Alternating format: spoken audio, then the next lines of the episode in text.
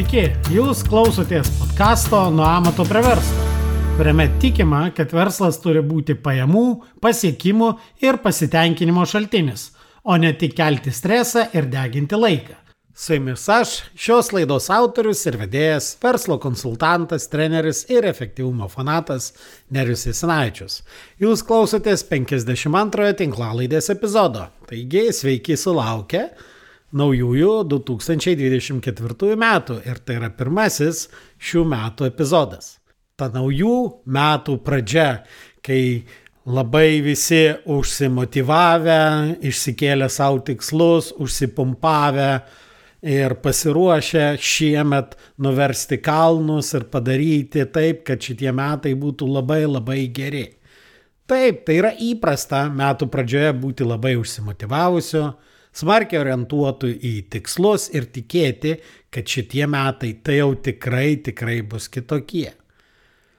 Bet prisiminkime praeitų metų, už praeitų ir dar ankstesnių metų pradžias, kai buvo viskas lygiai taip pat. Buvo ambicingi tikslai, buvo daug energijos ir po to nutiko gyvenimas ir metų pabaigoje teko pripažinti, kad tikslai liko kažkur, kažkur toli ir jie nebuvo pasiekti. Taip, tokia motivacija labai puiku. Visgi, naujametinės motivacijos nepakaks. Ne kiekvienam nutinka tai, kad metų pradžioje buvo daug energijos, o metų pabaigoje teko tikslus perkelti dar metam. Tačiau daugumai tai nutinka. Kągi vis dėlto reiktų padaryti kitaip, kad šitie metai tikrai būtų kitokie. Vienas didžiausių 20-ojo amžiaus protų, Albertas Einšteinas, yra pasakęs, kad yra pati didžiausia kvailystė kartoti savo veiksmus ir kiekvieną kartą tikėtis kitokio rezultato. Taigi turim pripažinti, kad jeigu tikrai norime, kad šiemet būtų daug geresni rezultatai ir kad vis dėlto pavyktų pasiekti tuos tikslus, taigi turime pakeisti savo elgesį, turime pakeisti savo kasdieninį elgesį. Tačiau, kai mes kalbam apie pokyčius, kad turime pakeisti savo elgesį, turime pripažinti, kad dauguma pokyčių žmonėm kelia nerimą ir baimę. Kiek mes bekalbėtume, kokie mes drąsūs, optimistai ir pasiruošę pokyčiam, tačiau giliai pas visus yra ta pokyčių baimė.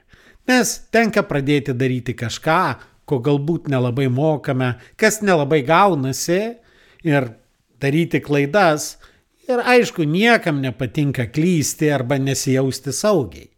Ir pokytis tai reiškia, kad teks išeiti iš savo komforto zonos. Taigi, kai kalbam apie pokyčius, tai turime aiškiai įsivardinti, ką mes turėtumėm pakeisti. Štai apribojimų teorija visuomet pabrėžia, kad kai kalbame apie bet kokios sistemos pagerinimą ir pripažinkime, kad net mūsų asmeninis gyvenimas, mūsų asmeniniai tikslai ar įmonės tikslai ar tikslų pasiekimas, tai irgi yra tam tikra sistema. Taigi, jeigu mes norime pagerinti bet kokią sistemą, visuomet turime įsivardinti labai aiškiai dviejų tipų pokyčius. Pirmas pokyčių tipas tai yra kokius veiksmus mes nustosime daryti. Kažką mes iš savo realybės turime pašalinti. Kažką mūsų sistemoje, jeigu kalbame apie įmonės tobulinimą, kažką įmonėje turime nustoti daryti. Kitas pokytis tai yra, ką mes pradėsime daryti. Tačiau didžiąją dalį darbų arba elgsenos, kurią mes darome, mes turime palikti. Bet pirmiausiai turime aiškiai suprast, ką mes turime arba ką mes nustosime daryti. Ir tie darbai, o verslo atveju kartais tai gali būti net procesai ar produktai ar netgi rinkos, kurių mes atsisakysime, jie nebūtinai yra blogi. Labai dažnai tai gali būti net tie darbai arba tie procesai, veiksmai, kurie mums atnešė puikius rezultatus ir jų dėka mes esame ten, kur esame. Taigi, atrodytų keista, kad mes sakom, kad žiūrėkit, buvo kažkokie darbai, kurie davė rezultatus, kurie buvo būtini progresui ir tobulėjimui, tačiau dabar juos reikia nustoti daryti. Kodėl? Nes situacija pasikeitė. Įmonė galbūt išaugo, atsirado nauji produktai, naujos technologijos, naujos rinkos, nauji konkurentai. Ir dėl to mes turime nustoti kažkuriuos dalykus daryti. Bet atsisakyti tų darbų, kurie prieš tai nešė tam tikrus rezultatus, kuriuos mes žinome kaip daryti, kur mes jaučiame saugiai, nes jau turime sukauptą kompetenciją, viskas žinoma, puikiai gaunasi ir imti ir nustoti daryti. Tačiau turime suprasti, kad bet kokie veiksmai turi tam tikrą mažėjantį ribinį naudingumą. Ir pradžioje, kai mes pradedame kažką daryti, tai gali duoti didelius rezultatus. Tačiau vėliau tų veiksmų rezultatai mažėja ir mažėja ir mažėja. Aišku, kai atsidurėme krizėje, ar asmeniniai krizėje, ar įmonė atsiduria krizėje, tuomet atsisakyti tų senų įpročių yra daug lengviau, nes juk krizė tai yra geriausias įrodymas, kad senieji dalykai neveikia. Tačiau atsidūrus krizinėje situacijoje kartais gali būti jau per vėlų keistis. Todėl labai svarbu identifikuoti veiksmus, kuriuos reikia nustoti daryti, dar nelaukiant krizės. Žinoma, tą organizacinę arba asmeninę individualią inerciją įveikti labai sunku. Pasižiūrėkit, tarkim, mes norime judėti greitai. Paimkime pavyzdį, mes anksčiau vaikščiojom ir staiga nusprendėm, kad dabar nebevaikščiosim, o važinėsim dviračiu atsisėdom ant dviračio ir pradėjom važinėti greičiau. Mūsų judėjimas iš taško A į tašką B vyksta daug greičiau negu kai vaikščiam. Ką mes darom? Mes pradedam treniruotis, kaip geriau minti tą, tuos pedalus, kaip uh, geriau perjunginėt greičius ir tas pavaras. Mes pradedam tobulinti patį dviratį, susirandam e, labiau orientuotą, lengvesnio rėmo ir panašiai su amortizatoriais. Ir kiekvienas mūsų pokytis, to dviračio tobulinimas duoda tam tikrą rezultatą. Tačiau tam tikru metu mes susidursime su labai nedideliu pagerėjimu. Nesvarbu, ką padarytumėm, taip, šiek tiek išlošiam, tačiau patys pagerėjimai tampa labai maži. Ką reikia daryti? Jau reikia atsisakyti dviračio ir persėsti, pavyzdžiui, ant motociklo ar į automobilį. Aišku, persėdus automobilį ar persėdus nuo dviračio ant motociklo, daug dalykų bus kitaip ir bus labai neįprasta. Tai pirmiausia, mes turėsime nustoti minti tuos pedalus. Ir toks pokytis jisai nėra lengvas. Galbūt įgyvendinti jį elementariai, padaryti kažkokį pokytį, nustot kažką daryti, atrodytų lengva, tačiau psichologiškai gali būti labai sunku. Neveltui e, kalbama apie taip vadinamą organizacinę ar asmeninę inerciją. Apskritai apie organizacinės bei asmeninės inercijos aukas būtų galima prikalbėti ne vieną tinklalaidės epizodą. Juk visi žinome tokių išnykusių verslo dinozaurų kaip Nokia ar Kodak istorijas. Tikriausiai netgi kai kas esat matę tą žymųjį interviu, Nokijos vadovo interviu, kur jisai sakė, mesgi nepadarėm nieko blogo, bet kažkodėl kompanija bankrutavo. O jie nepadarė nieko blogo, jie darė tai, ką buvo įpratę daryti. Jie mokėjo daryti pigius, gerus, neišmanius telefonus.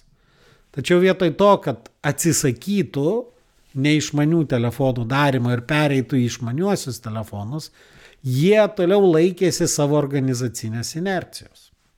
Arba Kodakas, kuris vietoj to, kad pereitų į skaitmeninius fotoaparatus, nusprendė, kad skaitmeninių fotoaparatų gamyba gali pakengti jų įprastam fotojostelių verslui. Todėl, jeigu šiemet norite turėti geresnius rezultatus negu ankstesniais metais, pirmiausia nusimatykite vieną dalyką, kurį jau nuo dabar nustosite daryti. Pasižiūrėkit, koks dalykas iš tikrųjų suvalgo daug jūsų laiko, bet neduoda jokio rezultato. Koks vienas darbas, veiksmas, kur daug laiko sunaudojama, bet tai neartina jūsų prie jūsų ar jūsų įmonės tikslų. O kai nusistatysite tą dalyką, kurį nustosi daryti, tada galima pereiti prie kito pokyčių tipo. Tai yra nuspręsti, o kokius dalykus įterpsite į savo realybę, ką pradėsite daryti. Aišku, vėlgi įterpti naujovę į savo kasdieninį gyvenimą lygiai taip pat sunku, kaip ir nustoti daryti kažką įprasto. Tačiau su naujovių įterpimu iššūkiai yra šiek tiek kiti. Nusprendus pradėti daryti kažką naują, viena dažniausių klaidų būna ta, kad numatytas pirmas žingsnis, tas veiksmas yra tiesiog per didelis ir reikalauja per daug pastangų iš darytojo. Pradžioje, pradėjus kažką daryti ar nusprendus daryti kažką naujo, yra tas naujumo pojūtis, kuris ir sukelia tam tikrą motivaciją. Tačiau laikui bėgant antrą, trečią savaitę tas naujumo pojūtis išnyksta, nes tai jau nebėra naujas dalykas ir naujumo pokyčio sukilta motivacija sumažėja. O didelis veiksmas, didelis žingsnis reikalauja daug valios, kurios dažniausiai pritrūksta. Todėl jeigu pajutote, kad nebedarote to numatyto veiksmo, pasižiūrėkit, gal tas veiksmas, kurį jūs nusprendėte daryti, galėtų būti mažesnis. Galbūt tas pirmas domino, nuo kurio jūs pradedate, neturėtų būti toks didelis ir galėtų būti mažesnis. Kita klaida yra daryti daug pokyčių vienu metu. Juk daug pokyčių garantuotai sukels blaškimas ir multitaskingą. Jūs pamesite prioritetus, pamesite, kas jums yra svarbu ir tuomet tikrai galite atsisveikinti su reikšmingais rezultatais. Kai pametami prioritetai, kai vėl paskestama toje blaškoje ar multitaskingė, mes turime standartinius rezultatus. Todėl labai svarbu nedaryti daug pokyčių vienu metu, ypač jeigu jūs norite šiais metais pasiekti įspūdingų rezultatų.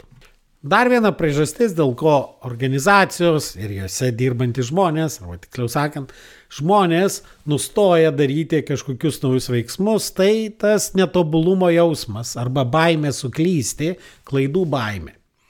Kai pradedam daryti kažką naujo, ko niekada nedarėme arba retai kada darėme, tai labai tikėtina, kad kažkas nepavyks, kad mes mokysimės Nes to dalyko mes nemokame daryti, mes dar neturime reikiamų įgūdžių.